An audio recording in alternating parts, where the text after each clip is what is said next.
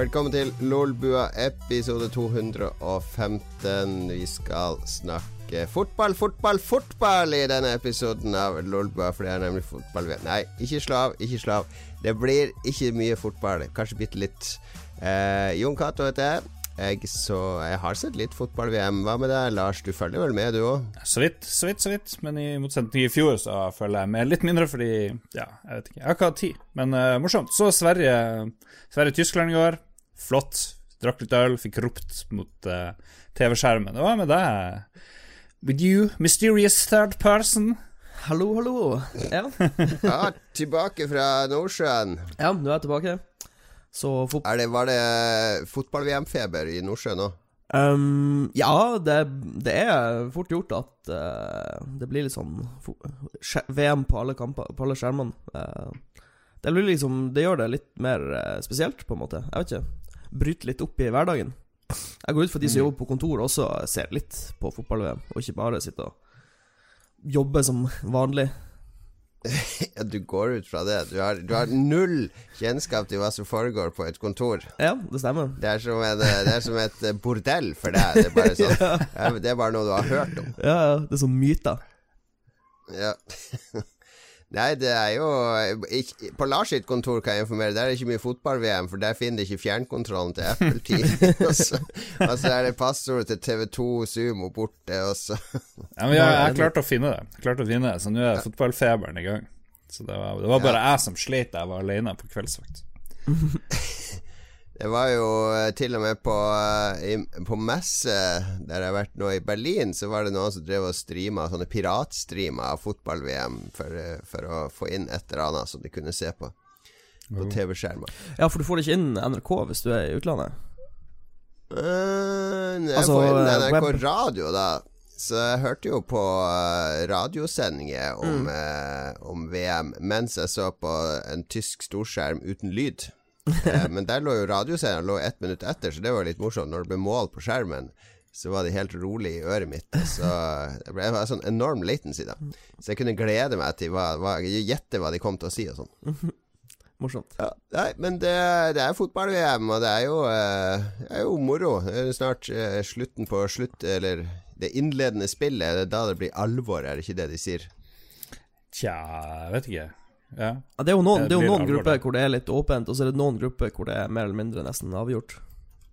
Ja. Så det blir jo Sånn som så i går, så ble det jo plutselig litt mer spennende når, eh, når Tyskland vant i stedet for Sverige. For hvis Sverige hadde vunnet, så hadde jo den gruppa vært finito. Da hadde ikke, de hadde egentlig trengt å spille. Ja, da hadde jo Tyskland vært ute. Det hadde mm. jo vært skandale. Så det var ganske, ganske spennende kamp, sånn sett. Ja, det er jo da det er spennende. Mm. det er, fordi da, da, tror jeg også folk som ikke er så interessert i fotball, skjønner spenninga, fordi da ligger nervene på utsida av kroppen, og du skjønner gleden og sorgen. Mm. Ja, nei, men vi kan styre vekk fra fotball-VM. Jeg ser Lars uh, sitte og klikke seg inn på X-hamster allerede i ren kjedsomhet her, så uh, det, det, er ikke noe vits å dvele for lenge ved det. La oss ikke snakke om det som kjeder Lars. Det er det hellige mantraet i Det er ikke fotballbua, det her. Jesus Christ. Nei, nei, det kan være Vi kan være alle slags bue. La oss snakke litt om hva som har skjedd i det siste. For du ble så utkalt et sånn hasteoppdrag ja. uh, ute på Nordsjøen. Det vi, jeg og Lars tror jo egentlig at du jobber i den norske etterretninga. så du, du, er liksom en sånn James Bond-type. Du har våpen, du er litt sånn survivalist. Av og til så har du sånne tanker om at enden er nærmere enn vi andre tror. Så det er tydelig at du sitter på informasjon som vi andre ikke har. Ja. Og så må du plutselig ah, jeg, ble, jeg, må, jeg, må, plutselig ut på Nordsjøen. Jeg har egentlig fri, men uh, nei, Har du egentlig vært i Afghanistan på oppdrag, eller i Ingen kommentar. Dubai, eller Ingen kommentar, nei. nei. nei. men jeg kan fortelle om hva som skjedde. Um, eller dekke historien min, eventuelt. uh, firmaet, mitt, firmaet mitt er veldig dårlig å planlegge. Uh, så plutselig hadde de for lite folk, og så hadde de for mye jobb. Så skulle, egentlig så skulle jeg dra ned uh, ut til Danmark på en jobb og teste mm. en brønn. Men når jeg kom ned til kontoret i Stavanger, så bare var den jobben utsatt med to uker. Ja. Og det betydde jo at den jobben da kolliderte med min faste tur, som er nå eh, på tirsdag. Men eh, i Danmark er det veldig forskjell på turen til Danmark og tur på Nordsjøen. For i Danmark så er det mye snaps, det er mye Det er lov å røyke på plattformen osv. Er det ikke sånn det Nei, de er dessverre veldig like, altså norske og danske plattformer. Den eneste forskjellen er at da må jeg dra ned til Esbjerg og fly med et mindre, litt mer trasig helikopter fra Esbjerg. Mm. De har sånn her eh, de, Dansk helikopter. ja, de dans, Jeg vet ikke hvilken helikoptertype det er, men det er mye mindre. Rosa, rosa helikopter. Det er som en sånn her clown car. Du bare liksom Når du går ut fra helikopterterminalen, eh, og så ser du helikopteret stå på rullebanen, så er det sånn Wow, det var et veldig lite helikopter. Og så, så snur du deg og ser bak, og så ser du alle menneskene som skal inn i helikopteret, så bare Nei, det der blir ikke å gå. Det er alt- det er mange mennesker for det helikopteret. Men på et eller annet vis så går det an å få så mange mennesker inn i et helikopter. Men du, er, du blir litt redd av å se helikopter, for du vet det er der sjansen er størst for å dø på din jobb, er det ikke det? Nei, jeg kan jo dø mange plasser. Jeg kan dø på helikopteret, og så kan plutselig plattformen jeg jobber på, eksplodere. Da dør jeg. Jeg kan ramle over bord, og så er det ingen som får med seg at jeg ramler over bord. Ja, det er mye, mye muligheter. Men Nice. det jeg skulle si, var at Danmark-jobben ble utsatt. Eh, og i stedet for at jeg dro tilbake til Harstad med, på bomtur, så fant jeg en annen Mm. liten jobb. Så da dro jeg ut på Elfisk, som er nabofeltet til feltet jeg jobber på, og testa en brønn der, da. Så jeg fikk med. Fem-seks dager offshore, og så var det bare tilbake til Harstad og vente før jeg skal ut igjen på min vanlige tur. Teste en brønn, det er jo sånn kodeord når man har tur på reperbanen, har jeg hørt. Jeg skal bare inn her og teste en brønn. Ja, kanskje. Maybe. Det er i hvert fall min Kanskje, eh, story. Men Du har fått uh, veldig mørk stemme, Mats. Har du kommet i stemmeskiftet? Nei, dessverre så er jeg bare blitt litt sånn småsjuk. Ok. Nesten øyeblikkelig etter jeg kom hjem, så var jeg på besøk eh, hos min søster med sine to barn. Så jeg vet ikke om det er noen bakterie eller hva, men jeg ble, fikk i hvert fall en sånn liten småforkjølelse eller et eller annet. Jeg vet ikke. Bare holde seg unna barn, det er mitt råd. Ja. Spesielt de som er i barnehagen.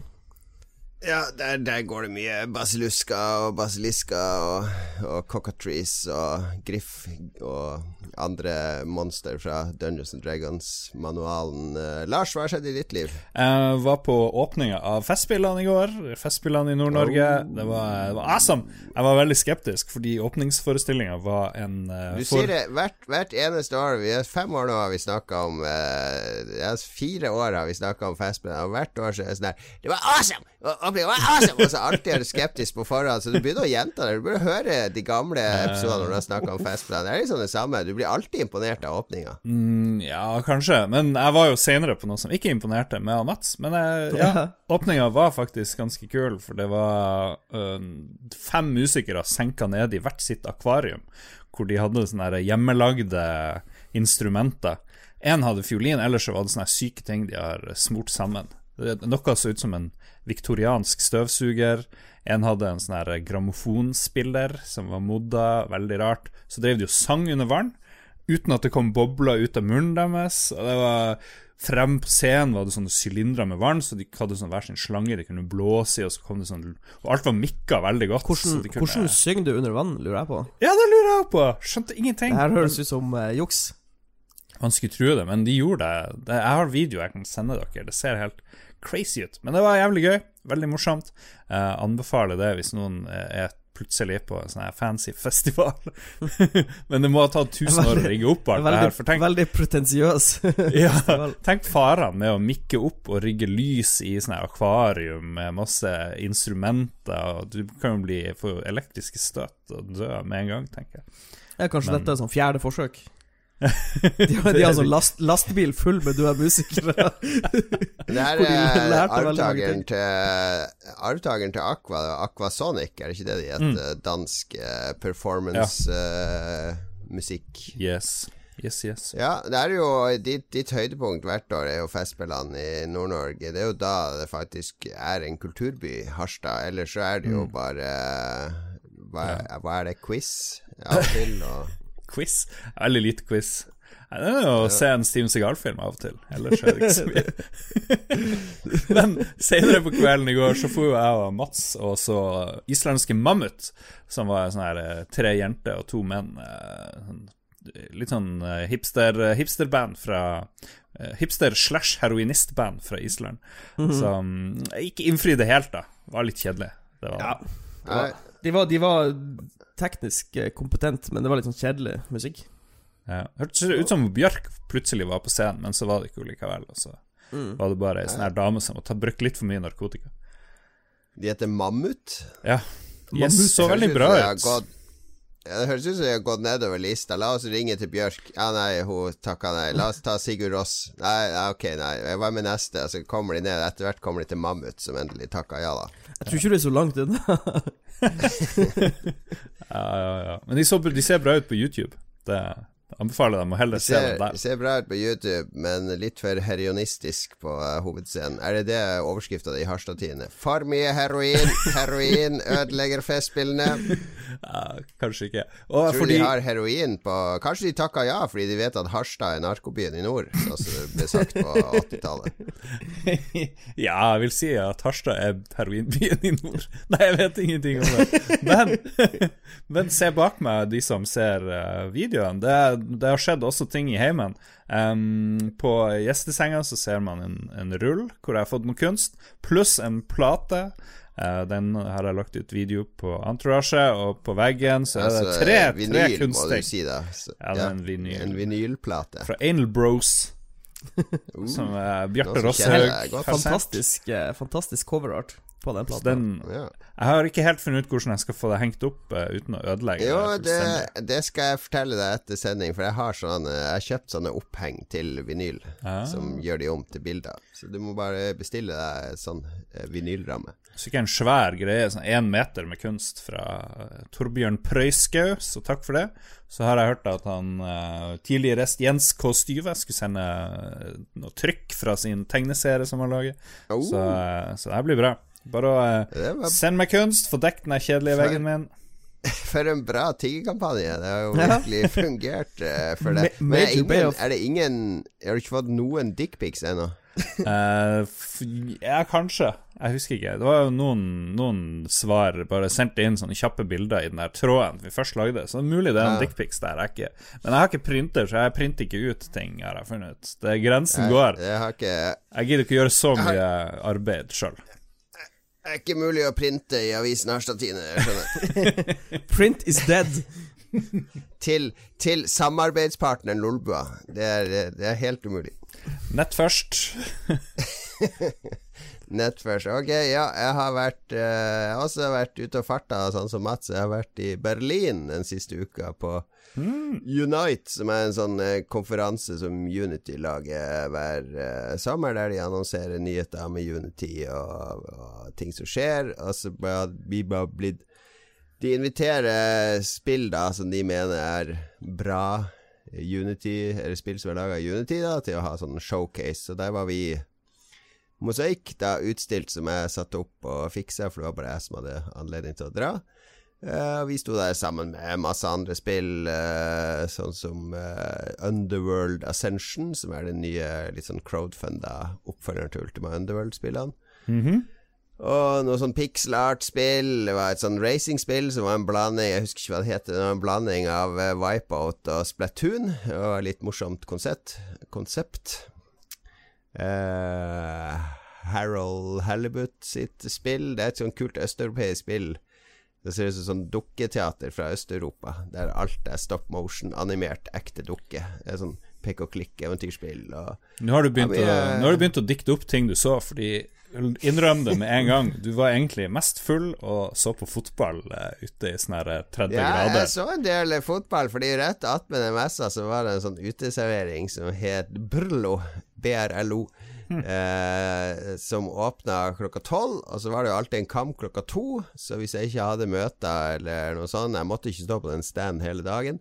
Så brukte jeg å se den tokampen der, da, og, og dra tilbake og sjekke at bilden kjørte ikke hadde krasja og sånn. Og så eh, fikk jeg som regel i hvert fall sett én omgang der. Og så var vi jo ferdig sånn i femtida, og da begynte jo neste kamp, så da ble jeg ofte igjen der. Og så kamp nummer to. Mm. Så dro jeg på hotellet, og så fant jeg et siste sted, og så den siste kampen. Nice. Eh, den så jeg i en park første kvelden. Eh, mm. Så veldig, veldig bra VM-stemning i eh, Tyskland. Og det som var morsomt med å sitte på sånn uteservering og se, er at det kommer jo alltid sånne folk som heier på lagene som er med, da. Eh, ja. Folk fra Kroatia eller Spania eller hvor som helst som, mm. som dukker opp. Så Berlin var en veldig kul, svær by, da. Uh, jeg har ikke sett så mye av den, for den er altfor svær til å se mye. Men jeg dro jo for å se rett opp for messa og sa at det er jo Checkpoint Charlie, det kan jeg jo dra og se. Uh, det er jo kjente krysningspunktet ved Berlinmuren, liksom. Mm. Der de drev og utveksla fanger og sånne ting. Men eh, det var jo bare Det var akkurat som å dra opp til Hollywood i Los Angeles. Det var jo bare sånn turistifisert helvete med sånne folk i fake uniformer oh, som drev og marsjerte rundt, så du kunne ta bilder av attmed liksom sånne fake grensevakter. Og masse gateselgere som solgte sånne fake russiske uniformsjakker og lue og Uff. Det var Det er trist. Det var helt uh, Bedre, ja, bedre med fake liksom, russiske jakker enn fake nazijakke, er det ikke det? Jeg vet ikke. Ja, det var ikke noe nazigreier. Altså, Berlinmuren handler jo ikke om nazismen, det handler om den kalde krigen, ikke sant. Det er jo USA og, eh, og mm. Øst-Europa, Sovjetunionen, eh, Øst-Tyskland. så, så, det var jo sånn men det var så Det var masse sånne uh, turistgreier der, det var noen museumsgreier, og alt så så jævla tacky og cheesy ut. Så jeg ble liksom Jeg ville jo Ja, jeg vet ikke helt hva jeg hadde forventa. Jeg ble bare jo, jo, men det går litt sånn skuffa. Det går jo an å håndtere sånne, sånne med liksom grace. Altså Hvis du ser på sånne historiske monumenter, så ja. må, Du kan, trenger ikke å lage sånn turistfelle ut av det. Det er så, det er så, ja, det er så tacky, som du sier. Det er unødvendig. Ja, jeg syns jo egentlig det. Men uh, det var mye annet kult å se på, da. Fordi bare man gikk rundt i gatene, ikke sant, så kan du se sånne gamle Øst-Berlin-bygg som kanskje er pussa opp, men det, ser, det er veldig sånn blanda arkitektur der nede. Veldig mm. sånn massive bygg ofte, og, og kraftige konstruksjoner. Og uh, Får litt sånn der, får litt sånn spesiell følelse der. Så føles det som det er litt sånn frikerby òg, da. Mye kunstnere og, og mm. freaks og Kult. fri kjærlighet. Og nå var det jo pride og hele pakka. Mm. Jeg foreslår vi flytter til Berlin alle sammen, og så starter et nytt liv. Let's do it. Vel, ja, vi får gjøre det.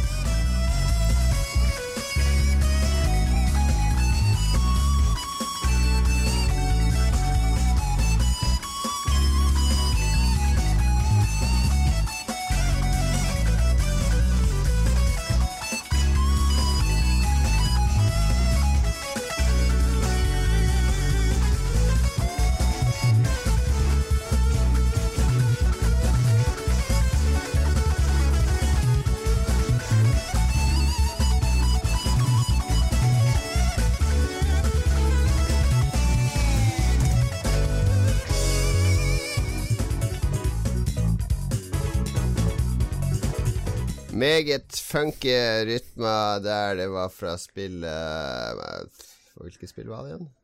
Risk One's Neck heter i hvert fall låten.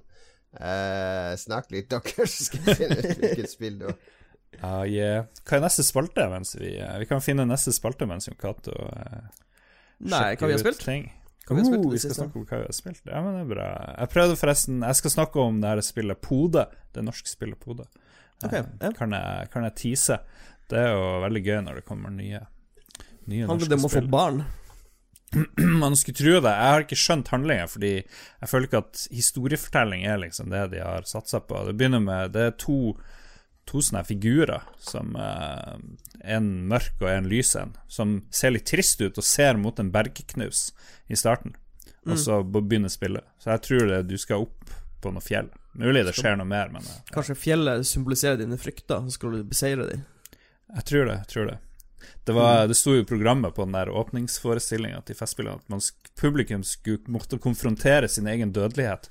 Og det er sånn her ufattelig bullshit som du kan putte inn på alt. ja, ja. Hvis du ikke har noe mer fornuftig å si. Ja vel, har du funnet på sånne kunst... Ja, det var fra Sin and Punishment. Uh, det de burde skrive på sånne kunstutstillinger, er at publikum blir konfrontert med sin egen kjedsommelighet. Eller med omgivelsenes kjedsommelighet. Det, det, gjelder i mange kunstutstillinger. ja.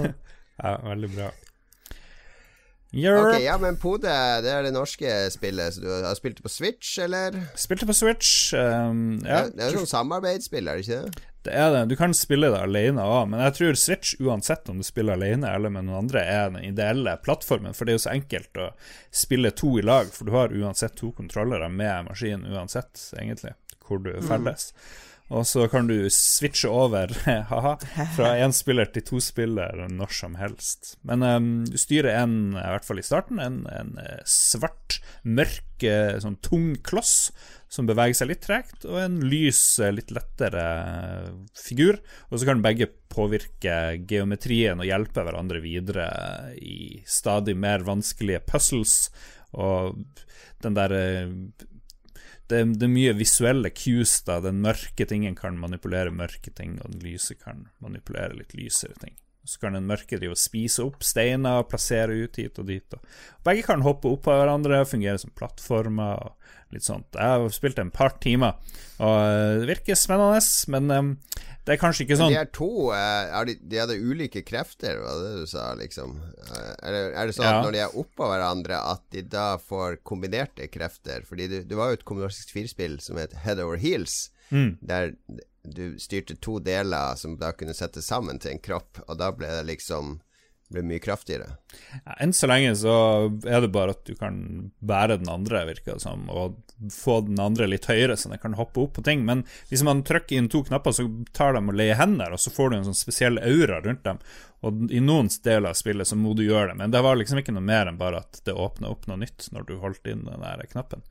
Men um, det er et puslespill, da, og uh, puslene er Det er kanskje ikke sånn i noen spill så ville det vært bedre forklart og sånt hva du skal gjøre, fordi jeg har sett på noen forum uh, der, eller bare kommentarer til anmeldelser, og da er det folk som står fast her og der.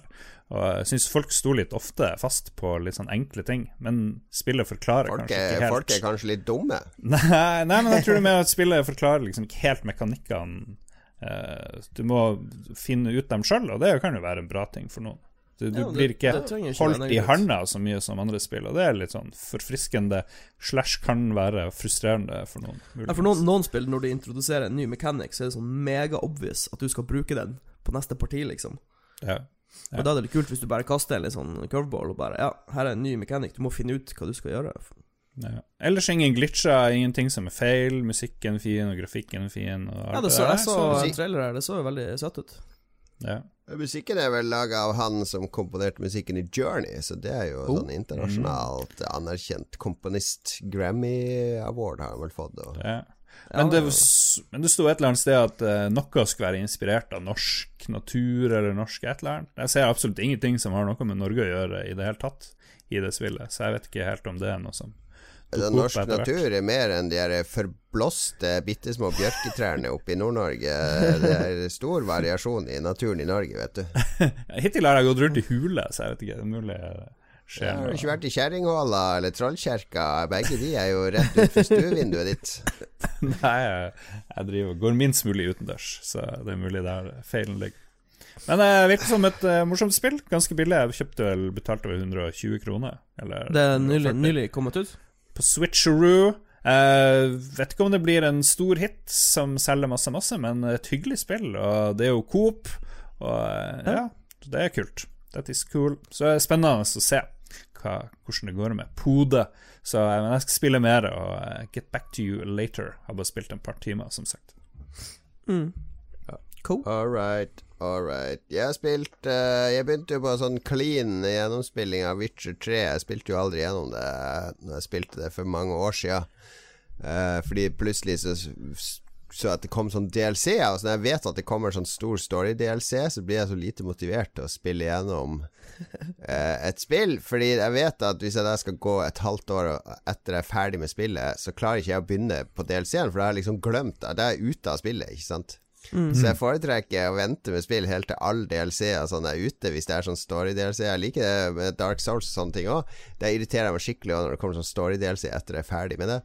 Fordi da uh, Da må jeg gå inn i det igjen, og så må jeg huske alt som jeg har glemt, og sånne ting. Så, vil, ja. så nå, nå, skal jeg spille gjennom hele Witcher 3. Jeg er litt sånn oppladning til Cyberpunk og sånne ting òg.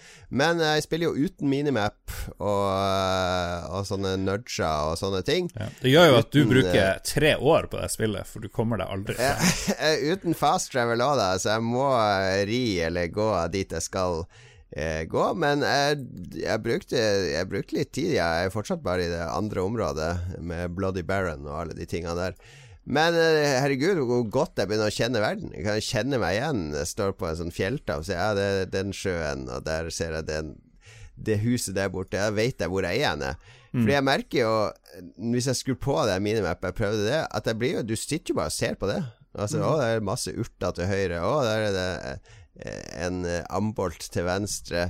Ja, veien går dit. Du, du, ser jo ingenting. Det er jo ikke som du sitter og ser på en GPS ja. hele tida mens du kjører bil, liksom. Jo, det. det blir det jo sånn over, overlay som du følger med på, i stedet for å ja. faktisk se på naturen og på utsikten. Ja. Så min uh, Jeg koser meg skikkelig Jeg kommer meg skikkelig inn i spillet. da Føler meg mye mer som en del av spillverdenen enn jeg gjorde før. Og jeg, jeg kommer sikkert til å slå av sånn minimap i alle fremtidige spill. Jeg må jo hente opp det vanlige kartet hele tida for å Akkurat som man må Når man er på tur, så tar man ut kartet fra ryggsekken og sier OK, ja, ok, jeg er der. Ja, jeg skal dit. Ok, da må jeg krysse den elva. Og så ser jeg etter de bygningene på høyre høyresida der. Da vet jeg at jeg er på rett vei. Mm, men da, da, da bryter du jo opp når du tar opp kartet, på en måte. Så det er jo greit. For da orienterer du deg og, ja, og ja, finner ut hvor du er og hvor du skal. Det er jo helt logisk når du skal se på et kart sånn. Nei, så jeg syns uh, Men det er, jo, det er, jo, Jeg trenger ikke si så mye om spillet. Alle kjenner jo Witcher 3. Det er jo et genialt spill. Uh, jeg vet ikke om du har spilt gjennom det ennå, Lars, men nå når du har din monster-PC, så er det jo en ypperlig anledning til å kaste seg inn i eh, Witcher 3. Ja, det gjør seg det, veldig bra på PC. Absolutt. Det flyter ja. flyt fint. Jeg har styrt unna Witcher 3 i Steam-salget, men uh, nå får jeg litt lyst til å kanskje laste det ned. Har, vi kan ta prate etterpå, etterpå, om hva vi har kjøpt i Steam, forresten. Ja. Ok, ok, ok Nei, um, DLC-en til Witcher 3 er håndtert veldig bra. Du kan gjøre den Enten så kan du gjøre den underveis, din playthrough, eller så kan du gjøre det etterpå. Det er helt uh, valgfritt. Og den er mm. utrolig bra, den òg. Kult. Ok, Mats, du er vårt uh, drapsalibi. ja. uh, du har vært ute og myrda og samla XB i Player Unknowns Battleground, for der har det jo plutselig kommet uh, Har de funnet ut at de Fortnite tjener masse penger på å selge en sånn billig ting hver, hver, tredje, hver tredje måned. Ja, de, de har introdusert noe som heter et event pass. Uh, de har jo Først og fremst har de jo uh, endelig sluppet det nye kartet, som heter Sandhook. Som er et, mm. et, mindre kart enn de to kartene som heter Erangel og Miramar, de to originale kartene. De er jo Det er litt sånn jungeltema på det, er det ikke ja, det? Ja, det er veldig sånn Asia-inspirert. Litt sånn Filippinene øy, øyaktig. Mm. så det nye kartet er fire ganger fire kilometer i stedet for åtte ganger åtte. Så det er ganske mye mindre i areal. Mm. Uh, og, men ikke, det er ikke mindre spillere. Det er fortsatt 100 spillere. Så det blir ganske så kaotisk. Uh, og så er det sånn veldig sånn tropisk uh, tema. så det sånn tematisk ligner det ikke på de andre kartene i det hele tatt. Så det, det, er noe helt nytt, på en måte. Veldig sånn forfriskende. så jeg har spilt noen kamper på fredag, og noen kamper i går. veldig morsomt. men det blir en helt annen spillestil i squad, og egentlig i solo og duo. Uh, for det er så mange flere spillere. Så det som skjedde veldig mange ganger når vi spilte, var at f.eks. i Squad Vi hører noen skytelyder uh, noen hundre meter unna oss. Ok, vi går for å undersøke, vi må finne fiendene og ta dem. Uh, så ser vi noen fiender, så begynner vi å skyte på dem. Og så begynner de å skyte tilbake. Og det man gjør på de andre kartene, hvis du skal drepe ei gruppe med spillere, er at det er veldig farlig å bare springe rett mot dem, så du bruker gjerne å springe til siden. Det er sånn militærtaktikk å flenke. Eh, så det, det, bruker jeg å gjøre veldig mye. Jeg er veldig aggressiv på å bevege meg rundt og prøve å flenke. Og det jeg oppdaga veldig fort mm. på dette kartet her, er for det er så mye, min, mye mindre kart, mye mer spillere. Så det som ofte skjer, at det er noen andre Altså, du har to grupper som er engasjert med hverandre, men så er det gjerne flere grupper i nærheten som hører de skytelydene. For det er kortere avstander. Og når du hører skytelydene, da har man lyst til å gå og se litt. Eh, så det som skjedde veldig mange ganger idet jeg driver og forflytter meg for å flenke eller komme bak, den gruppa jeg vet hvor det er, så springer jeg inn i ei helt ny gruppe med fire spillere. Eller, gjerne, eller gjerne mer. Kanskje, kanskje, to grupper med spillere. Så det er liksom Ja, det er veldig vanskelig, rett og slett, å, å vinne og dominere på det kartet. Det høres ut som Rambo 2 der, med andre ord. Ja, det, ja, det, det er Altså, det er så, det er så off eh, Det andre eh, som er Men jeg syns bare det er morsomt. Eh, og det andre som er litt kult med det kartet her Fordi på de to andre kartene, som er 8 ganger 8 km, når flyet Flyet flyger jo en tilfeldig vei over kartet. Eh, og mm. da er det jo mm. mange plasser du ikke når på de andre kartene. Altså Flyet er for langt unna, du klarer ikke å komme så langt i fallskjermen, Mm. så du må ha en bil for å komme deg dit. Men på dette kartet så kan du så å si komme deg overalt eh, på kartet. Det er sånn som Fortnite. Du kan komme deg basically dit du vil eh, fra flyet. Du må ikke ha en bil for å komme deg dit. Og det andre som er kult, siden det er så lite, er at eh, når den blå Når den blå sonen begynner å krympe inn Jeg går ut fra at alle kan denne Battle Royale-mekanikken nå. eh, så er du jo litt avhengig av kjøretøy på de andre kartene hvis du er veldig langt unna. For det, du klarer ikke Mm. å springe så langt. Men på Mm. dette kartet så, så kan du i så å si alle tilfeller klare deg til fots, liksom. Du, du trenger ikke de bilene, og det syns jeg er veldig deilig. Er det her et slags svar på Fortnite? På et vis? Dette å, å, det er uten tvil et svar. Altså, for det første så har de kopiert basically størrelsen på kartet, mer eller mindre. Og for det andre så har de nå introdusert eventpasset. Det burde vi kanskje snakke litt om. Eventpasset er eh, en sånn premiummodell. Du betaler 10 dollar, eh, og så får du en rekke med missions du kan gjennomføre, eh, som gir deg XP, som gjør at du går opp i level. Og når du går opp i level, så får du cosmetic items. Du får solbriller, badeshorts Ikke random, da. Det er liksom Nei, det er det som er Det er ikke sånne, det er ikke Ja. sånne kasser hvor du åpner og du får et tilfeldig item. Du får spesifikke items som du kan jobbe mot metodisk. Og dette har Fortnite. Eh, og det er andre spill som også har det. Counter-Strike, Ja. Global Offensive har det. og- Fortnite har uh, dansene, da. Det mangler pubg. ja, ja de, Mhm. de har jo emotes i PUBG, så de blir sikkert å introdusere custom-danser. Men eh, de har allerede Altså, Bluehole eh, sliter jo litt med, med ryktet sitt på internettet. De har vært under veldig mye De har fått veldig mye pepper de siste månedene. Eh, noe er Noe er fortjener de, men noe er litt ufortjent, mener jeg, da. Men problemet mitt med denne eventpassen er at det, det koster 10 dollar, det er helt greit. Det er en fair pris. Jeg tror det koster så å si det samme på Fortnite. Men uh, det varer bare fire uker. Oi. Uh, og i Fortnite så tror jeg det varer 100 dager eller noe sånt. Eller det varer i hvert fall mye. Ja. Over dobbelt så lenge. Ja, det er tre måneder eller noe sånt. Ja, så du har liksom Du har fire uker på å få På å bli level 30, og så har folk gjort litt sånn eh, rask matte, og det virker som du må spille utrolig mye for å rekke å bli level 30 på de fire Ja, uken. Du kan også kjøpe det her levelet.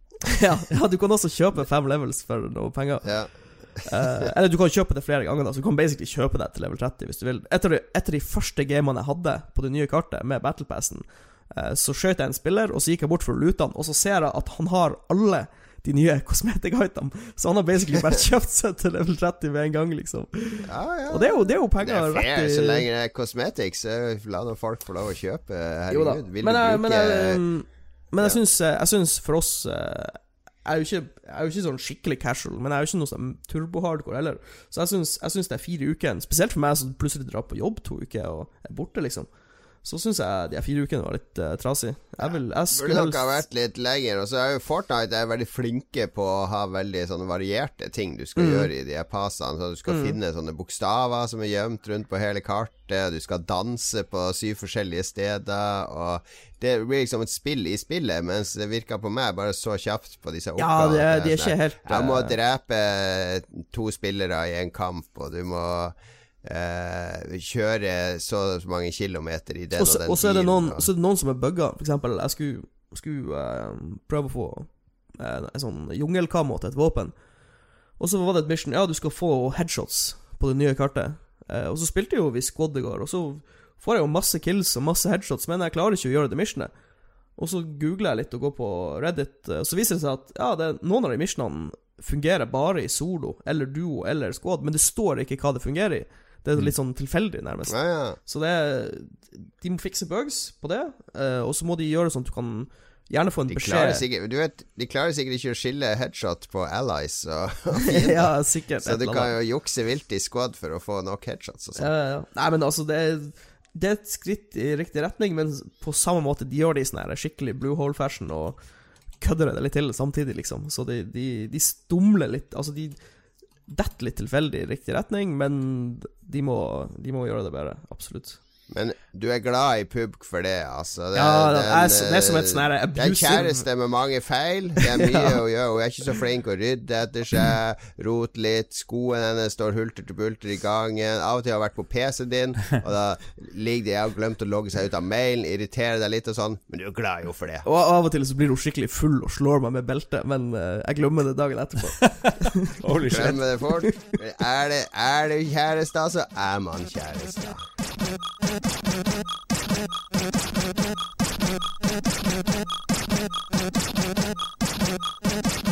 you.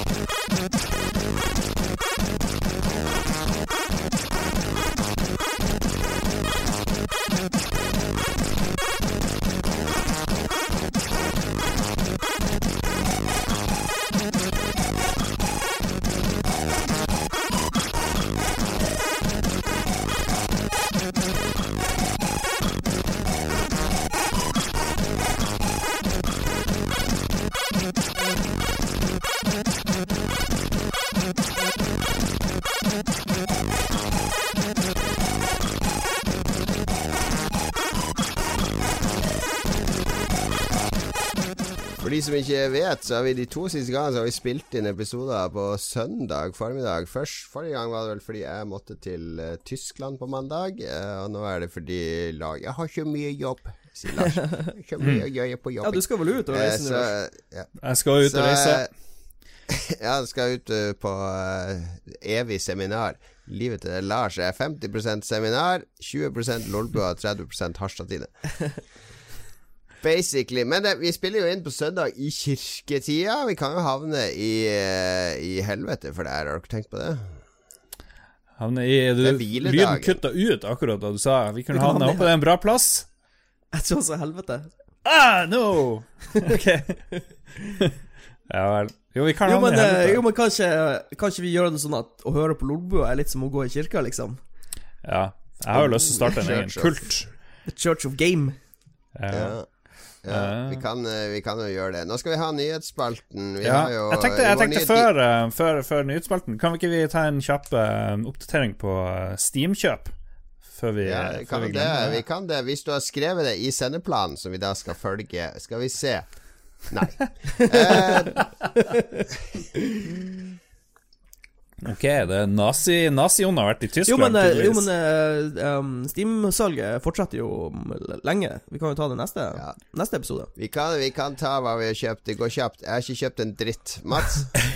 um, jeg har ikke kjøpt så mye ennå, fordi jeg bruker aldri å kjøpe i starten av salget. Jeg må jo alltid liksom Jeg må tenke, Ja. det må marinere. Så jeg har kjøpt ett spill. Jeg har kjøpt Slay the Spire, eh, for det har jeg sikla på lenge. Eh, og så har jeg et spill jeg skal kjøpe til alle vennene mine, for det er så billig. Og jeg har lyst til å spille det med vennene mine, som heter Golf with Friends. Som er sånn her mm. minigolf-multiplier. Dere skal begge få det i gave hos meg, kan jeg røpe. Nice. Så yeah. det må vi kjøre en stream med. Men basically, jeg har- ei sånn, ganske lang liste, så jeg blir å kjøpe flere spill på, på tampen av salget. Jeg må bare liksom Jeg vet ikke. Jeg, jeg liker ikke å kjøpe ting i starten av salget. Jeg må gjøre det i slutten. Eller annen rar grunn. Jeg vet ikke hvorfor. Jeg har kjøpt masse. Det er jo første gang jeg har kjøpt en del ting på Steam-salg, så det er sikkert derfor jeg er litt sånn gira. Men eh, det jeg har prøvd av det jeg har kjøpt, det er jo Grand Theft Auto 5, så det er jo første gang jeg har liksom kjørt ordentlig på min uh, PC Master Race-greie, og det er litt morsomt. Kobla inn Xbox-kontrolleren og bytta mellom mus og gamepad og sånt. Det føltes veldig rart ut, egentlig. Det er ikke sånn du gjør med, med bare på, på bare PlayStation. Så har jeg kjøpt The Dig, Loom, Monkey Island selvfølgelig igjen. Space Quest Collection, Dark Forces Star Wars. Åh, Dark eh, Forces. Gabriel Knight, selvfølgelig. Observer, det er nytt. Maniac Mansion, Police Quest Collection, Elite Dangerous. Det er jo noe, de kan, eh, noe de kan reboote. Han Kyle Katarn og Dark Forces. Det var jo en Ja. fantastisk spillserie. Mm. Så jeg gleder meg til å oh. se hvor shitty det ser ut. Kanskje det er det eh, Respawn, de som har laget Titanfall, skal lage? De skal lage et nytt Dark Forces med Kyle Katarn. Ja, jeg tror Kyle Qatar er ute av uh, Lauren nå, når de reboota, eller når de Ja, eller han, han, er ikke, han, er ikke, han er ikke tatt inn i varmen, men det er jo ikke utelukkende at de henter inn Nei. eh, litt sånne eksterne Extended Universe-karakterer. Uh, det vil jeg tro Ja. at de gjør. For eksempel han, eh, han Tråden blir jo Var han Tråden Var han med offisielt? Jeg er litt usikker på. Da er du Han er den blå admiralen. Han er første romvesenet i imperiet som steg opp i gradene og ble superadmiral. Hm. Det, det var en fyr en fyr som het eh, Timothy Zahn, som skrev en Ja. som er veldig, veldig bra. bra. Nå er det, det er Star Trek, tror jeg. Jeg ikke Blå, blå aliens. Ja, Blå. jo, jo. Det er Avatar. Avatar er det du tenker på. Det, det er de blå. Et blått romvesen. Jo, det var nok Avatar. Uh, my bad. Ellers er det han uh, trall, trallsmurfen. Typisk. Men ok, siden vi er inne på random tull her uh, Er det alle lurer på når det gjelder den nye PUBG-utvidelsen, er det en perfekt uh, base for å lage et Fantomet-spill? Siden det er jungelen og litt sånn. der. ja, ja, da må vi påpeke at det jungelbrettet er jo ikke en del av utvidelsen. Jungelbrettet er jo gratis. Det er bare en pers. Ja. Ja, det, eneste, det, der... du, det, det, det, er veldig bra. Altså, de har ikke splitta spillerbasen med at du må betale for å spille det nye kartet. Det eneste du må betale for, er for å få de her nye kosmetiske itemene. Så Men ja, det jeg ser lett for meg at du kan ha Fantomet som springer rundt mm. der. Kan, de kan lage en sånn drakt De kan gi ut Fantomedrakten som en kosmetikk. De kan ha liksom Fantomet og liksom hans folk eh, Lara Croft. De der, eh... Lara Croft kunne passa inn der. Jeg ser for meg en liksom uprising av de der pygmeene. Det hadde vært ufattelig bra. Så ja. gratis spillidé. jeg tror det kan bli en hit. Politisk korrekt spillhit. Det har aldri Fantomet har aldri resultert i en hit. Det fins ikke én Fantomet-film som har gått bra, Billy Zane eller ikke. De, de har floppa totalt. Fantomet som konsept er eh, Det er kanskje verdens kjedeligste tegneserie. Oppskrytt og tullete. Ja, Til reboot. Ja. Harsh words. nei, nei, glem Fantomet. Fantomet pek-og-klikk-spill, det hadde vært kult. En, du går gjennom en by, og så eneste du må si hele tida, masse folk som går forbi, bare 'Å, oh, en ulv!' Og så må du hele tida bare trykke på det er, ikke, det er ikke en hund, det er en ulv. Det er ikke en hund, det er en ulv. Det er ikke en hund, det er en ulv. Det er ikke en hund, det er en ulv. Det er Fantomet-spillet. Du kan drive og drikke Du kan drikke melk hele tida. ja. Og så må du passe på at du slår med rett knyttneve. Å nei, nå ga han skurken det gode merket! Nei, nei, nei! nei Så må du ta han med til sånn derre tattoo removal artist og få fjerna det gode merket, og så må du slå han etterpå med det vonde merket. Det er bra. Ja, mye rart, mye rart. Men nå skal vi ha nyheter. Er stemmen din kapabel til å lese nyheter, Mats? Jeg, kan, jeg skal gi det mitt beste. Do it! Ja, vi moser på med nyhetsspalten. Um, Bethesda saksøker Warner Bros. fordi de mener at selskapet bl.a. har stjålet kode fra sitt spill Fallout Shelter for å lage et lignende Westworld-spill. I søksmålet heter det at Westworld-spillet er identisk eller svært likt når det gjelder bl.a. spilldesign, visuell stil, animasjoner, funksjoner og andre spillmekaniske elementer, og at det simpelthen, simpelthen er en rip-off av Fallout Shelter. Westworld-spillet har utrolig mange bugs, sier Bethesda-sjef Todd Howard i en uttalelse. Alle vet jo at det kun er Bethesda-spill som pleier å ha så mange bugs, så dette er åpenbart en rip-off. Oh! Hvor det ble den der drumroll uh, Det var vitsespalten. Ja, det var vitsespalten. Det her er jo seriøse nyheter, det er ikke vitser. um, jeg okay, så bare altså, kanskje han sa kanskje ikke akkurat det siste, men det var morsomt. Uh, jeg så bare overskrifta. Jeg har ikke fått med meg Jeg har ikke ja. fått med meg det Westworld-spillet. Hvem som har uh, lagd det? Warner det er samme, spill, samme selskapet var med og lagde begge spillene, så det er vel litt derfor de tror det. Pluss at det var faktisk identiske bugs, visstnok, i det her Westworld-spillet og en tidlig utgave av Fallout Shelter-spillet. Hmm. Så det her med bugs har en kime av sannhet i seg. Ja. All right. Vi moser på. Men uh, Bethesda er jo glad i å saksøke òg, så det her er jo ingen nyhet. Jeg husker jo Scrolls-saken mot Mojang, ja, Mojang der, de, han, de, eh, der de mente at de utnytta Elder Scrolls-navnet, og Notch utfordra de i Quake for å avgjøre saken. Stemmer. Uh, for så vidt, uh, Scrolls-spillet er jo ute under et nytt navn nå. Ja, yeah. hva det heter det? Skal vi se. Nå heter det Older Scrolls. ja, de skifta navn, og så plutselig dem, ga de det ut. Og så kan folk modde og styre på som de vil. Ga det ut gratis òg, tror jeg, faktisk. Så mm. de har tydeligvis uh, ja, vi får, uh, vi får uh, edit, edit in post, for jeg finner ikke nyhetssaken akkurat nå. Ja, jeg så det bare. Det er ikke så viktig, bare gå videre. Ja. Uh, Microsoft uh, dropper VR til Xbox. Vi har ingen spesifikke planer for Xbox og virtuell virkelighet eller mixed reality Vårt perspektiv har vært, og fortsatt er, at PC sannsynligvis er den beste plattformen for VR og MR, sier Mike Nichols i Microsoft. På spørsmålet om hvorfor de for et par år siden brukte masse scenetid på Xbox-showet, på E3, på AR Minecraft, eh, hypnotiserte Nichols reporteren til å glemme hele episoden, før han tok av seg alle klærne, løp ut en dør, dør og inn i en taxi. Det husker ikke jeg. Wow, yes. Jeg husker, jeg husker hvordan, jeg hadde hvordan, hvordan kom den rapporten ut, siden den hypnotisøren var veldig dårlig der, tydeligvis? Ja, jeg, kanskje, jeg tror hun ble hypnotisert til å glemme E3-showet, da. At Ok. man, for jeg husker jo alle det E3-showet. Det her var jo når Xbox One var en sånn TV-boks. En av de kjedeligste E3-pressekonferansene. Så kommer det ut noen folk på scenen med sånn her 3D-modell, virtuell modell av Minecraft, der de står og ser på med sånne hjelmer, og de filmer liksom eh, Ja, det var den der eh, holo, HoloLens-greia. Ja, ja, ja, ja. Fordi da, da tenkte jo alle at det her er jo et Xbox-press Hvorfor skal de bruke tid på å vise noe som ikke er Xbox? Ja. Men da, altså, eh, jeg syns faktisk at uh, han har et poeng. Eh, for det er, jo et, det er jo et problem på konsoller med VR. For du, du, du trenger jo mye mer maskinkraft til VR, for du skal tegne alt eh, to ganger, på en måte. Og så må du jo ha høy FPS. Hvis du har for lav FPS i VR, så blir jo, du blir jo syk. Du blir jo kvalm. For det blir en sånn dis disconnect mellom Det er masse Eh, krav til det, men samtidig så er jo PlayStation VR har solgt mer enn både Vive og Oculus til sammen, og blir brukt Jo, men det er jo, det er jo pga. prislappen, ikke av hvor bra det er, liksom. Jo, jo, men opplevelsen er jo Det er jo en VR-opplevelse. Jo, men jeg tenker hvis du skal Altså, de, de VR-spillene du har på PlayStation, det er jo ikke akkurat sånn her super triple A, high fidelity uh, er det det på PC? Det er jo bare Elite Dangerous, og så er det en masse ræl. Ja, du har jo Onward og Altså, du har ganske mange VR-spill på PC som, som gir deg en, en veldig sånn legitim eh, eh, innlevelse. Jeg, har par, jeg har en venn som har spilt Onward ganske mye, og han sier at det er vanskelig for han å spille liksom FPS med mus og tastatur etter han har spilt Onward mye. Så det er okay. Ja. Det er Jeg vet ikke. Jeg så bare et sånt krav over ting som var et, et must en utvikler mente for at VR skulle funke bra. Og da tror jeg at du må ha en kraftig PC for å drive det. Ja, men Resident Evil 7 har du på PS4, liksom. Eh, Funker helt topp i VR, det. Det er ikke noe teknisk uh, difficulties der, bortsett fra det absolutt vanlige som alltid er på alle VR-spill jeg har prøvd. Det er oppløsninga som er slitsom. Ja, og det er det, på som, det, det, det, er, egentlig- det er som, som har gjort at jeg ikke har kjøpt uh, verken HTC Viv sin eller Oculus, er bare at det er, det er, det er ikke høy nok oppløsning på de skjermene, tror jeg.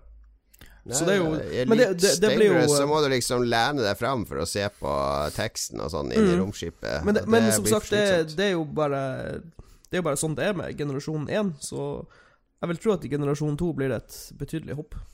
Nei, VR det er en uh, fad, kommer til å passere, akkurat som 3D i kino. Det er bare goodbye, ingen bryr seg til slutt.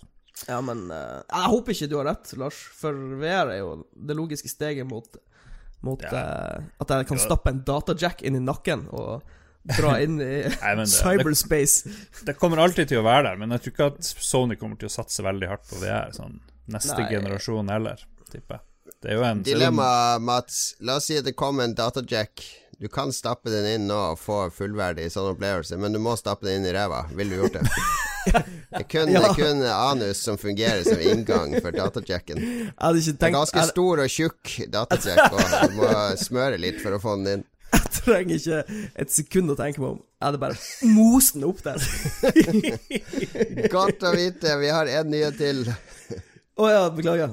Um, mens Sony nekter, er det nå mulig for PC- og Switch-eiere å spille med hverandre i Minecraft.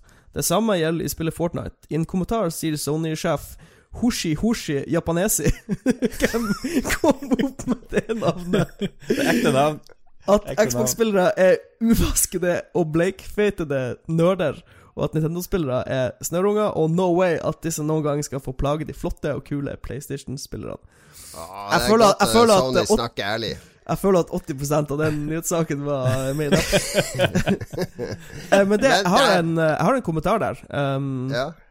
uh, faen uh, Hva heter det spillet hvor du uh, Rocket League, hvor du kjører de bilene og spiller fotball. Mm, Der er det jo crossplay mellom Sony PlayStation og PC. Og det- er kanskje et av de få spillene hvor det faktisk er crossplay. Nei, det er det på Fortnite òg, men det er kun til PC og mobil. De nekter å ha crossplay til konkurrerende konsoller. Det er jo det som er Mm. issue alltid. Ja. For jeg vet bare at i Rocket League så er det crossplay mellom PC og PlayStation. Men jeg vet ikke om det er mellom PlayStation og Xbox. Det er det sikkert ikke. Nei, det er det det ikke er.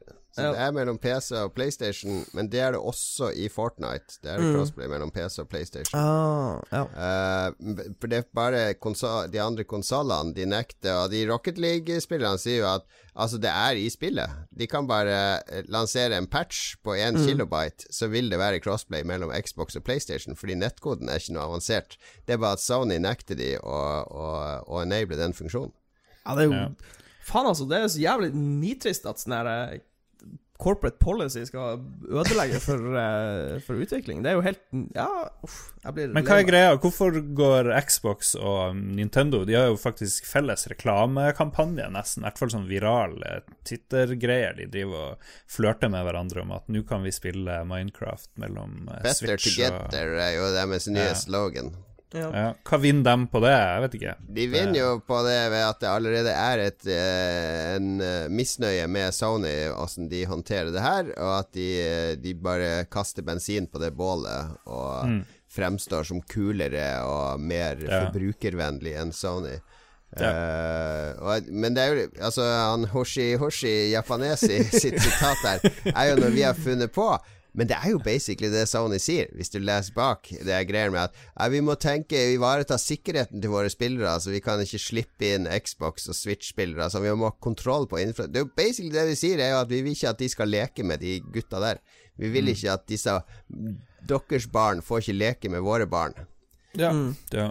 Jo da, det er veldig rart. Men uh, greia er vel at uh, de, de, folk skal kun kjøpe en PlayStation og ingenting annet, og du skal ikke ha noen sjanse å leke med noen andre i det hele tatt. Ja, du skal låse de inn i din infrastruktur, så det er Men for å bare så rett er rett, eh, Microsoft sa akkurat det samme for ti år siden på Xbox 360, ja. når de var størst. For da var det Sony som sa kan godt åpne for crossplay, for da hadde Sony sånn 60 mm. av mark eller 30% av markedet, og Microsoft 60% av markedet. Og da sa Microsoft nei, nei, det er ikke så interessant å slippe PlayStation-spillere inn blant våre spillere. Mm. Ja, ja, ja. All right. That was the news. That was the news.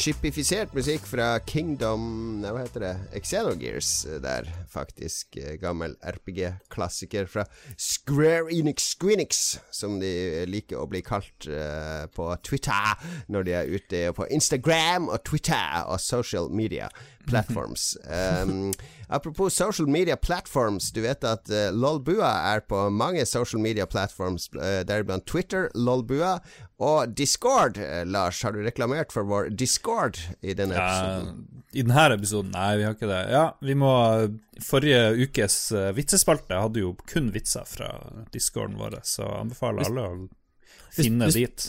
Hvis du er interessert i fotball-VM, så er det uten tvil den beste kilden fra eh, fotballnyheter og livedekning. ja, vi har levende fotball-VM-bots som oppdaterer med, med, resultater. Men det er litt morsomme diskusjoner der. Uh, ukens anbefalinger pleier å bli mye diskutert der. Blant annet har det vært hektisk aktivitet om det jeg anbefalte forrige uke, nemlig Pågens eh, vaniljeboller. Eh, som mange har lett etter i flere butikker og posta bilder av tomme og fulle butikkhyller. Og det passer jo bra med nye anbefalinger nå som vi da kan uh, diskutere i Discord denne uka. Absolutt. Ja. Mm, det er en bra, bra, bra anbefaling her. Mats, hva er, det, hva er det du har på lur her? Jeg har en, uh, en film. Uh, uh. Er enkelt, det en uh, ny film eller en gammel film? Uh, det er en ny-ish film. Skal vi ta den først? Kjør på. Ta den. Ja, det er en film fra The The Wayback Year av uh, 2017 som heter Only the Brave. Som mm. er Det er en fyr som heter Joseph Kosinski som har lagd den. Uh, han har lagd et par filmer jeg liker veldig godt. Han har lagd uh, Oblivion, med den science fiction-filmen med Tom Cruise. Uh, og så har han lagd den Tron, Tron Legacy-filmen, som jeg ikke har noe sånn spesielt forhold til. Det, jeg var, og vet du hva han skal lage, Lars? I 2019? Top No. Gun Maverick. Oh, shit! Så, men ok, vi kan snakke om Only the Brave. Um, det er en sånn eh, det, er, det er en sånn film som jeg liker å kalle America fuck yeah-film. eh, hvor uh, du tar for deg et sånn spesielt yrke. Eh, sånn ma mandig macho-yrke. Um, I USA så har de brannmenn som eksklusivt jobber med å slukke branner i skogene. ja. Og så har du liksom Du har to, du har to De kalles hotshots. Eh, men du får bare lov til å kalle det en hotshot hvis du liksom er Hvis du er profesjonell, på en måte. Du har, tatt, du har liksom blitt godkjent av en sånn autoritet. Eh, så filmen tar for seg et, et, et, sånn Et lag med hotshots som, som prøver å gå gjennom den prosessen. eh, og bli profesjonell. eh, og bli anerkjent, på en måte. Og det er en sann Mm. historie. Det er noe som har skjedd. Eh, Eh, Og så er det sånn litt sånn drama med kone og unger og styr og greier. ja. Du kjenner deg jo veldig igjen, for du har jo vært brannmann. Eh, Du er jo Ja. Jeg, nei, det er ikke Jeg kan ikke si at det er det. Men um, jeg bare likte Det var noe så Jeg likte den. Det var en veldig sånn Ja, jeg satt bare og koste meg gjennom hele filmen. Eh, Det var Josh, Josh Brolin eh, som er, har hovedrollen. Du må jo Han dele en- din Du må jo dele først din, din egen historie som brannmann. Min ekspertise. Ja. Ja. Jeg, når jeg var i militæret, så ble jeg brannmann. Eh, jeg var i rekrutten i infanteriet. Hele rekrutten i infanteriet. Masse i skogen, overnatting, øvelser, drit. Så fant jeg ut at hvis jeg fortsetter, hvis jeg blir infanterist, så er dette liksom de neste elleve månedene. Det er å være ute i skogen og bare Mm. ha det kjipt. Så fant jeg ut at dette We, must abort. vi må finne noe annet å gjøre. Eh, så jeg søkte meg over i Det var en sånn dag hvor du kunne eh, liksom undersøke de andre mulighetene. Eh, så jeg, jeg søkte meg over til Stabskompaniet, som egentlig er sånn her eh, det- Du var vel kanskje i Stabskompaniet, Lars? Jeg vet ikke. Sånn her eh, Ja, Alle døgnikter var i Stabskompaniet. Ja, ja, det var sånn- Udugelige Ja, nettopp, Jeg prøvde, jeg prøvde å komme dit. Jeg prøvde å komme dit, dit, men sånn- jeg var, var- i noe transport Ja, okay. og sånn her. Ja. Ja, det var, det var litt sånn personlig nederlag å gå fra infanteriet til stabskompaniet. Men, men uh, i det som skjedde da når jeg, Altså, jeg hadde ikke gått til stabskompaniet hvis jeg måtte sitte på et sånn her lærerkontor eller være noe sånn her presteassistent eller noe sånt. Men oh. jeg fikk Jeg fikk, um, jeg fikk uh, flytte over til brannstasjonen og bli brannmann. Uh, og det var den eneste grunnen til jeg sa ja til å bytte over til stabskompaniet. Uh, og da eh, fikk vi eh, noen uker opplæring på utstyret og sånn. Eh, De som, de som var sjåfør på brannbilene, hadde jo allerede hatt flere måneder med opplæring på det.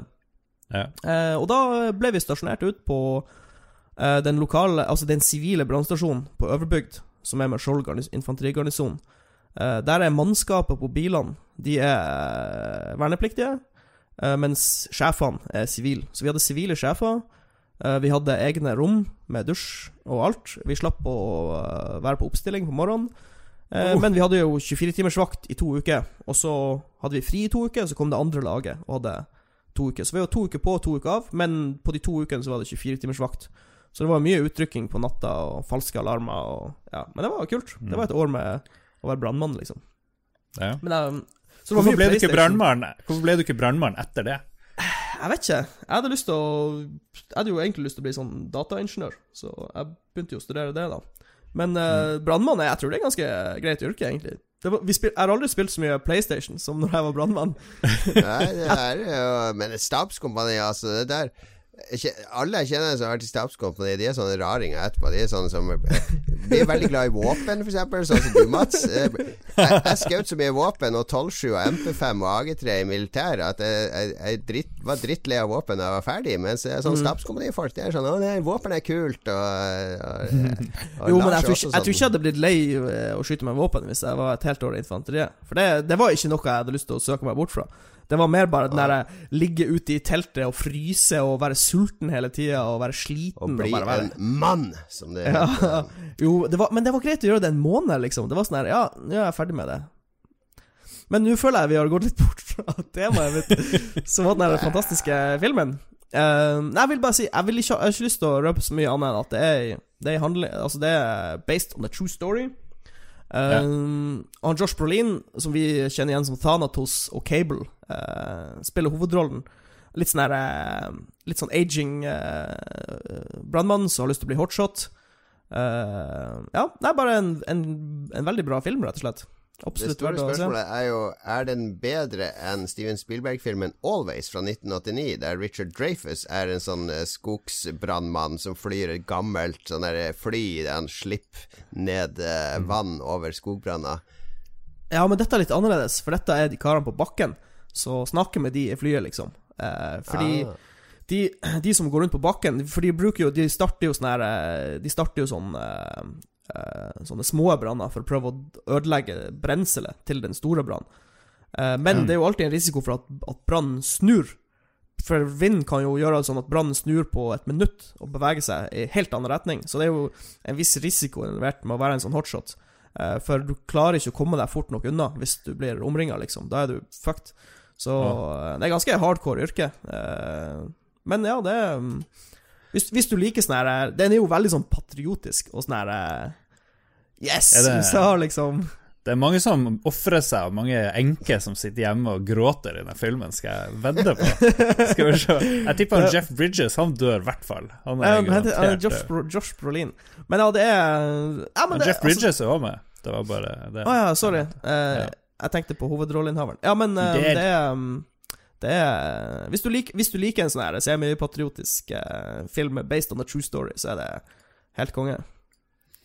Ok, Only the Brave er anbefalt av uh, Mats for alle som trenger Det er jo snart 4. juli. Kanskje en bra dag å se ja. den på hvis du vil ha litt ekstra ja, USA-patriotisme. Du kan, du, eh, du kan uh, sitte i den der stolen din, Jon Gato, og se den filmen. Ja, nei, den har jeg bare med meg på stranda. Jeg har okay. nemlig De som er i discorden, har sett bilde av min nye strandstol jeg kjøpte på loppemarked. Det er en eh, basically det amerikanske flagget som er laga om til en strandstol, og så står det USA. Og så er det med sånn koppholder og alt. Så er Utrolig flott stol. Meget stolt når jeg sitter i den på stranda med min Maga-caps på. Eh, og drikker Budwiser. Uh, jeg skal, sommeren er tid for å lese for meg. Jeg har faktisk lest uh, to bøker denne uka. uh, på den tredje boka nå. Uh, og En av de var veldig kul, syns jeg. Det er en bok av Paul Tremblay som heter 'A Head Full of Ghosts'.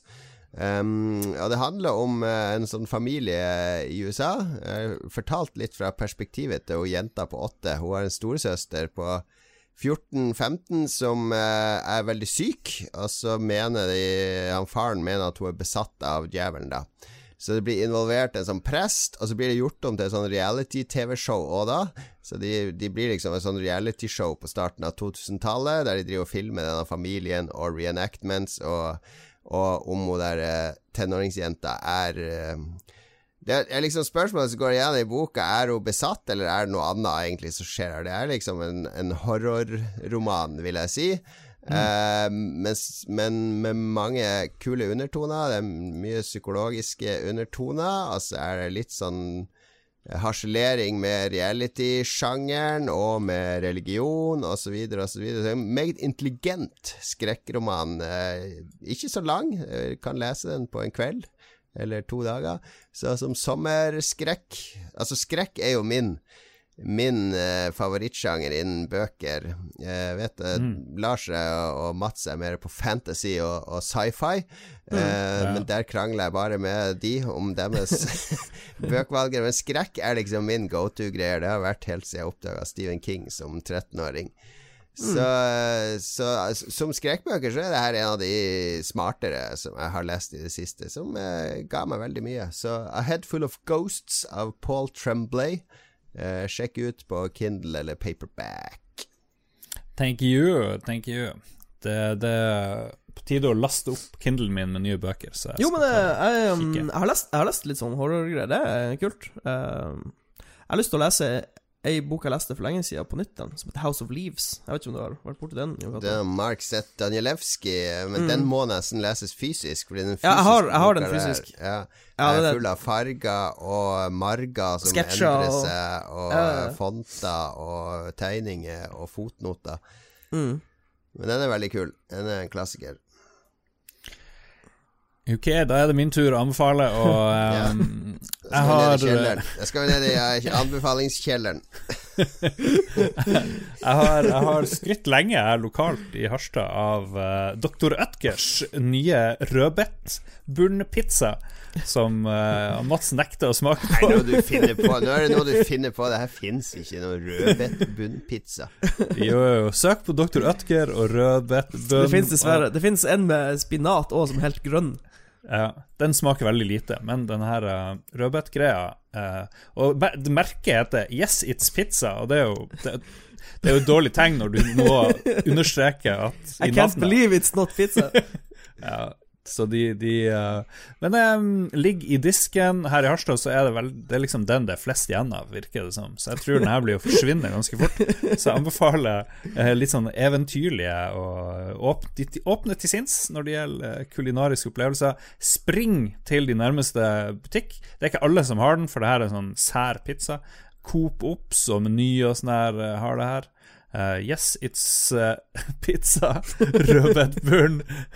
Se, en veldig liten, men sykt mye grønnsaker på. Syns ikke du det var mye på på selve pizzaen? Jo, den var veldig, den var veldig stekka på, eh, på toppen, ja. med squash og ja.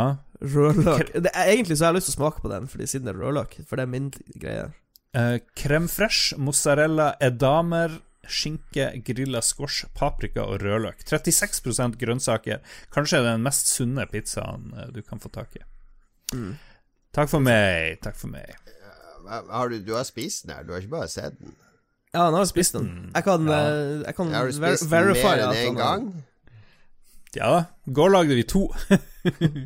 to? Da vi, ja, det var, var Vi så under kampen under ja, okay. Sverige-Tyskland. Ja, men hva, hva, er det som er så godt med denne i forhold til vanlig pizza? Mm, det er en helt annen smak, kan du si, og så er den uh, Så er det jo bra at den, den, er sunnere, liksom. Det er jo en pluss i seg sjøl, vil jeg si. En, en sunn pizza. Men jeg, jeg, liker den. Jeg liker at den røde rød. Det er litt mer morsomt. Det er sånn, oi, kan, så får du eh, Kan melde om at vi har fått respons allerede i chatten. Han bare Aslak syns den smakte helt jævlig. ok, Aslak. Jeg, jeg, jeg, eh, husker jo Det var en grønnsakspizza på starten av 90-tallet òg, med sånn brokkoli på, husker jeg. Og den brukte mm. mora til å være Øyvind. Hun brukte å kjøpe den fordi hun visste at Øyvind ikke likte den. Så hvis han skulle ta pizza fra frysen, så var det liksom det eneste. Det var en konflikt her. men, men uh, jeg husker en gang vi, vi syntes pizza var så trasig, så vi, kjør, vi, la den foran bilen, og så for vi og kjørte fram og tilbake over til bilen. Bare for å se om vi klarte å få den til å se enda mer trasig ut. Men jeg må innrømme at den her ser, ser jo mer fristende ut på pakken, men det er noe med rødbetbase jeg syns høres helt utrolig disgusting ut. Ungene kommer til å digge det her, kanskje. Muligens ikke, sikkert ikke, men ja. Prøv, okay. prøv i hvert fall. Kom igjen. Aslak. Rød, Rødbetpizza anbefales av Lars. Altså, det er tre anbefalinger. En bo, bok, 'A Head of Ghosts' av Paul Tremblay. En film, 'Only the Brave'. Og rød du kan først Du kan steke deg en pizza, så kan du se filmen, og så kan du lese boka. Så har du en komplett Lolbua-kveld.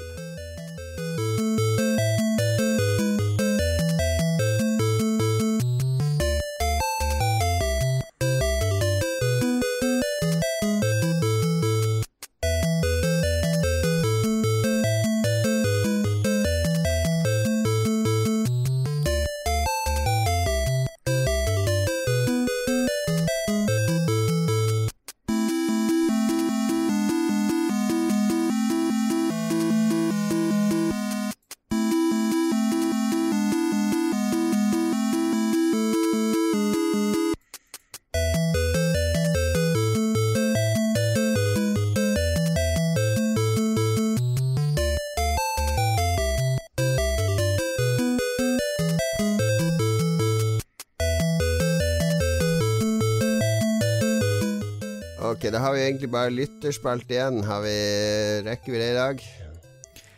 Ja, for min del så rekker vi det. Ja, vi har fått mye bra bidrag, da, så vi får ja. vel ta, ta noen. Ja. Ta det beste. Litt... Kremen. Kremen, Kremen ok, bidrag. skal vi se uh, Da hopper vi over han Chris Haugland, i hvert fall. Nei, ok, vi kan ta det. Vi nevnte han. Vil vi heller ha fjerta popkorn eller ha trekkspill til bein? Det virka veldig lett. Jeg vil fjerte popkorn. Jeg òg, selvfølgelig. Det er jo Trekkspill til bein høres ekstremt ja. upraktisk ut. What the fuck, liksom. Ingen som gidder. Øystein, uh, Øystein, Øystein Reinertsen lurer på hvor lenge Sony kan stå imot crossplay-dilemmaet før de akterutselger seg sjøl helt. Blir, det, blir Sony det nye Apple, spør han. Hmm. Ja. ja. Uh, Nei, de kan selvfølgelig stå imot det så lenge de vil, for jeg tror når vi ser den outragen, så er jo det to, tre, fire, maks fem prosent av PlayStation-spillere som egentlig bryr seg, tror jeg. Som mm. egentlig Jeg vil spille både på Switch og PlayStation 4 Fortnite. Det er ikke så mange det egentlig er relevant for. Så den outragen mm. er jo mye mindre enn den egentlig er. Ja, og, den, og mye av den outragen som kom nå pga. Fortnite, var jo bare fordi når du hadde spilt Fortnite på din PlayStation, så kunne du ikke bruke samme Fortnite-konto på ja. PC eller Xbox. Det var derfor folk ble pissed. Fordi de, de stjal på en måte kontoen deres.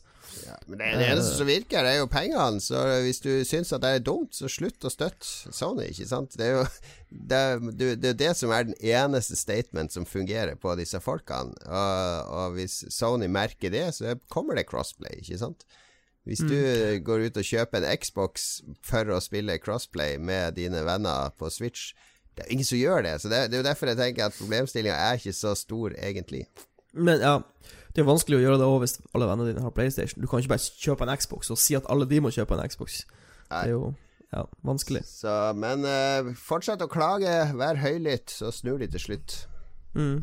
Ja, du så jo eh, på der Battlefront-greier. Det hjelper å få litt sånn Twitter-storm og at liksom Disney begynner å legge merke til at det er dårlig stemning, da Hvis man bare klager nok, så tror jeg det hjelper, det òg. Absolutt. Didrik Wesenberg. Unpeated whisky eller peated whisky? Jeg vet ikke hva Er det rødbetwhisky han snakker om?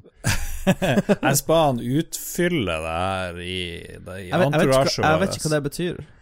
Uh, man bruker enten røkt maltet bygg eller urøkt maltet bygg etc. Uh, men det, det, hjelper ikke meg å forstå mitt svar, det. Mitt svar er Jeg har litt cola oppi, så det smaker mindre whisky.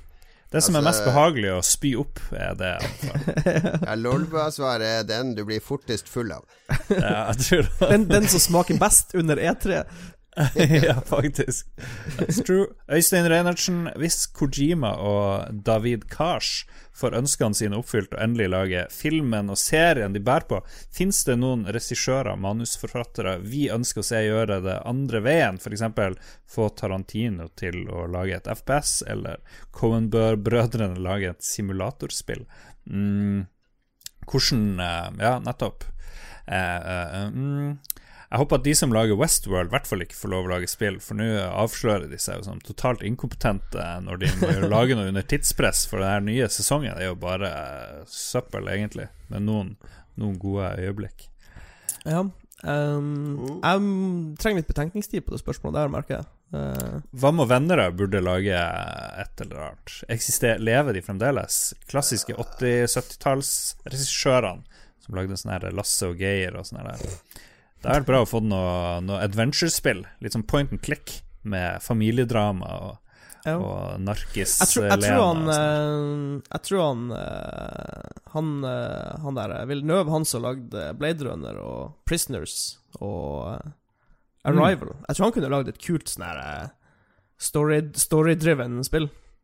Med ja. sånn god, god stemning og Jeg, jeg føler at pro problem Eller den overgangen er helt uh, Den blir meg veldig imot. Fordi ja. det er som å si uh, han uh, James Hetfield er veldig flink musiker. Kanskje han kunne regissert en film? Altså to, ja. Film og spill er to helt forskjellige kunstarter. Det er to helt forskjellige ting du lager, selv om spill har en visuell side av og til som minner om film så har mm. det ikke Det er ikke noe korrelasjon mellom å være en flink filmregissør og være en flink spillskaper. Du har selvfølgelig folk som Josef Fares, som hele tida har villet lage spill, oh. og som har beveget seg over til å gjøre det. Så eh, det er ikke dermed sagt at Guillermo del Toro er, vil lage geniale spill, selv om han blir involvert. Uh, Steven Spielberg skulle jo lage spill for EA en gang, og jeg husker mm. hvilket Rob spill han endte opp med å lage. Det var sånn der uh, vi-spill med blokker. Blocks, Roblox. Ja, det var, nei, ikke Roblox, det er noe annet, men. Men- det ble- Alle trodde at nå skal det komme Saving Private Ryan i spillform, men det var ikke det Spielberg hadde lyst til å være med å lage i det hele tatt. Han ville lage spill på spillene sine premisser. Så eh, Men nå glemmer du at Spielberg var produsent for Call of Duty og uh, var med og lagde The Dig, uh, eventyrspillet til Ja, The Dig hadde han skrevet manus til. Og det er jo kanskje det kjedeligste LucasArts-spillet noen gang. For det er 200 eh, bilder der det ikke er noe å gjøre i, så du bare skal gå forbi for å finne Det det, heter- det skjermbildet der det er noe å plukke opp. Det heter Boomblocks.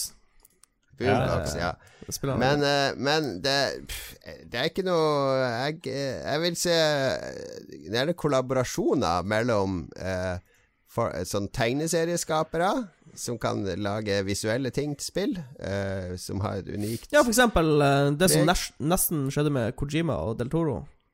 Ja, eller sånn som, sånn som vår tidligere gjest Jens K. Styve. Jeg hadde gjerne sett hans figurer i et 2D adventure-spill.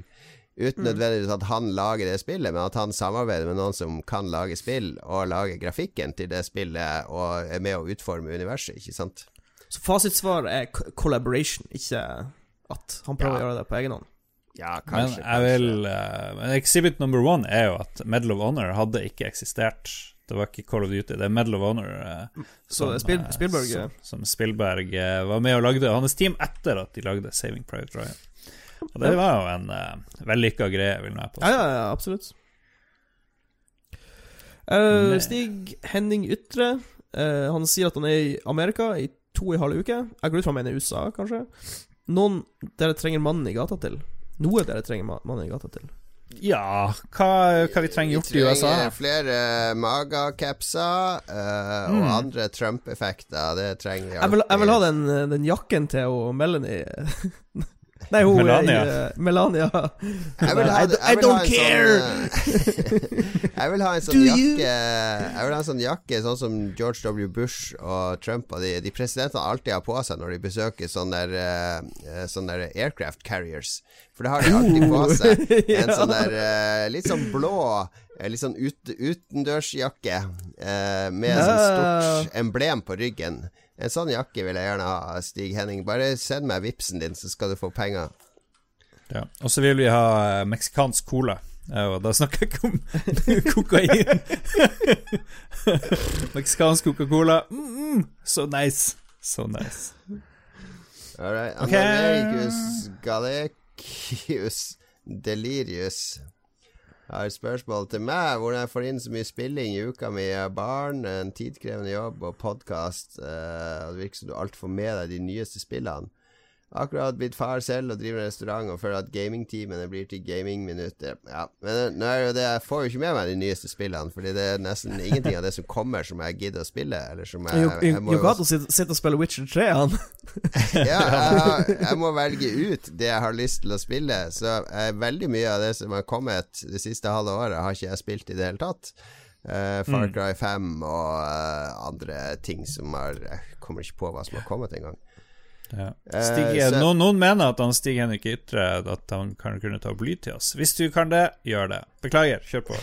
Ja, ja, det kan han gjøre. Men eh, ja, eh, så du må jo bare prioritere det du har lyst til å spille. Men så er det jo også sånn at jeg kan eh, Når ungene, ungene mine er såpass gamle nå at, eh, at de, de, de trenger ikke Når ungene er små, så må man liksom være sammen med dem helt til de legger seg. De krever mye oppmerksomhet, mens nå så vil de helst være litt i fred på ettermiddagene og kveldene og har venner på besøk og sånne ting. Så da kan jeg sette meg på spillrommet mitt og spille en time på kvelden før de legger seg, og så kan jeg spille etter de har lagt seg, fordi kona mi har masse serier hun ser på, og da kan jeg gjerne spille. Så man må bare finne tid. Det er jo det det handler om. Mm. Ja. Men det blir lettere. Når ungene er små, er det vanskelig. Men jeg spiller ikke alt. Jeg spiller nå bare PUBG og Witcher 3, egentlig. Uh, så ja. Jo, men det er jo bra, det. ja da. Jeg syns Jon Cato er en inspirasjon. Jo, men vi, vi har noen venner som bare forsvinner helt. Så ja, det, det, det går an å, å rydde tid. Ja, men så, så, ser jeg jo nesten ikke serier. Altså TV-serier jeg kutta nesten helt ut. Jeg ser veldig lite film. Jeg prioriterer bøker og spill. Jeg hører ingen podkaster. Altså alt som tar tid. Må du må finne ut hva er det jeg vil bruke den lille fritida jeg har på. For meg så er det spill og bøker. Og prostituerte. Mathias Kolsrud Åse. Nei da. Tusen takk for at du prioriterer oss, Jon Cato. Det setter vi veldig pris på. Nå må vi bli ferdig snart. Ja, vi, må, vi, tar en par eh, Eller vi tar av Mathias, og så sparer vi Henrik og Jens Arthur til neste gang. Mathias Kolsrud Aase har gitt oss et par dilemmaer. Jeg likte det første. Spise taco resten av livet eller miste smakssansen. Miste eh, smakssansen. Ja, du liker ikke taco, men ja, Min smakssans er allerede veldig dårlig pga. alle mine allergier, så om jeg mister den helt, spiller ingen rolle. Det har bare vært en fordel, for da kan jeg ete bare sunn mat og gå rundt og, og tenke at det er ikke noe vits å ete det potetgullet og alt det dritet der, for det smaker ikke noe bedre uansett. Så jeg ser jo bare det som en win-win situation. Ja, ja, Kanskje går det an å fjerne smakssansen frivillig? Liksom nuke den helt? Jeg tror ikke han hypnotiserer deg sjøl til å, å, å, tro at ting smaker annerledes. Hmm. Ja, kult. Uh, jeg velger selvfølgelig å spise taco resten av livet. Jeg med han Lars. Taco train. Konge. Let's do it. Uh, veldig bra. Ok, vi kan spare resten av dilemmaene til neste gang, og så setter vi strek. okay, okay. det, var, det ble korte, kort dilemmascenario. Kort, kort akkurat sånn som vi liker Oi, sorry at jeg dunker til eh, min mikrofon der. Um, da uh, skal vi se Der kommer avslutningsmusikken. Vi er ferdig med nok en episode 215 denne gangen. Det er snart sommerferie. Vi lover at det kommer en episode hver eneste uke i hele sommerferien. Vi vet ikke helt hvordan ennå. Kan være at det dukker opp en Sidbua som en nødløsning en uke òg, men det vet jeg jo at mange har lyst på, så det gjør vel Sidbua. ingenting. Mm. Ja, det, det er vi at det kommer en Jeg syns nå når du har fått så mye kunst, Lars, at du skal ha en mm. stream, sånn som han der eh, Twitch-streameren, han som malte, der du kan male foran kamera. Uh, du er jo mer kunstnerisk. Jeg tror begge dere to er mer. Ja, men det, det, Jo mindre kunstnerisk du er, jo bedre. Er det ikke sånn? jo mer altså, underholdning altså, blir det. Ja, så skal du snakke om teknikken din og sånne ting. Det kommer i sommer. Det kommer også Mats skal eh, montere et GoPro-kamera på pistolen sin, og så løpe rundt på Trondenes og skyte på sånne mannekengdukker han har kledd ut som folk som plagde ham på ungdomsskolen. Uh, det kommer også bli en livestream. Uh, nei da.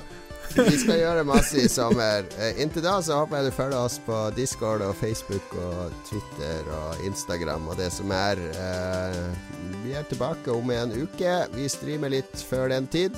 spill her og der. Ja, noe mer? Takk for at dere så på. Tusen og hørte på. Og hørte på. Tusen takk. Og lukta. Takk, takk. Dere som har luktesans. Takk, takk, for at dere eksisterer. Takk. Ja. Arigato. Domo arigato. Ha det bra. Ha det bra.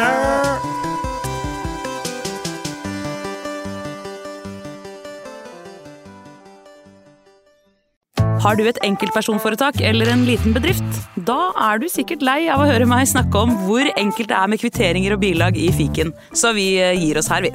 Fordi vi liker enkelt. Fiken superenkelt regnskap.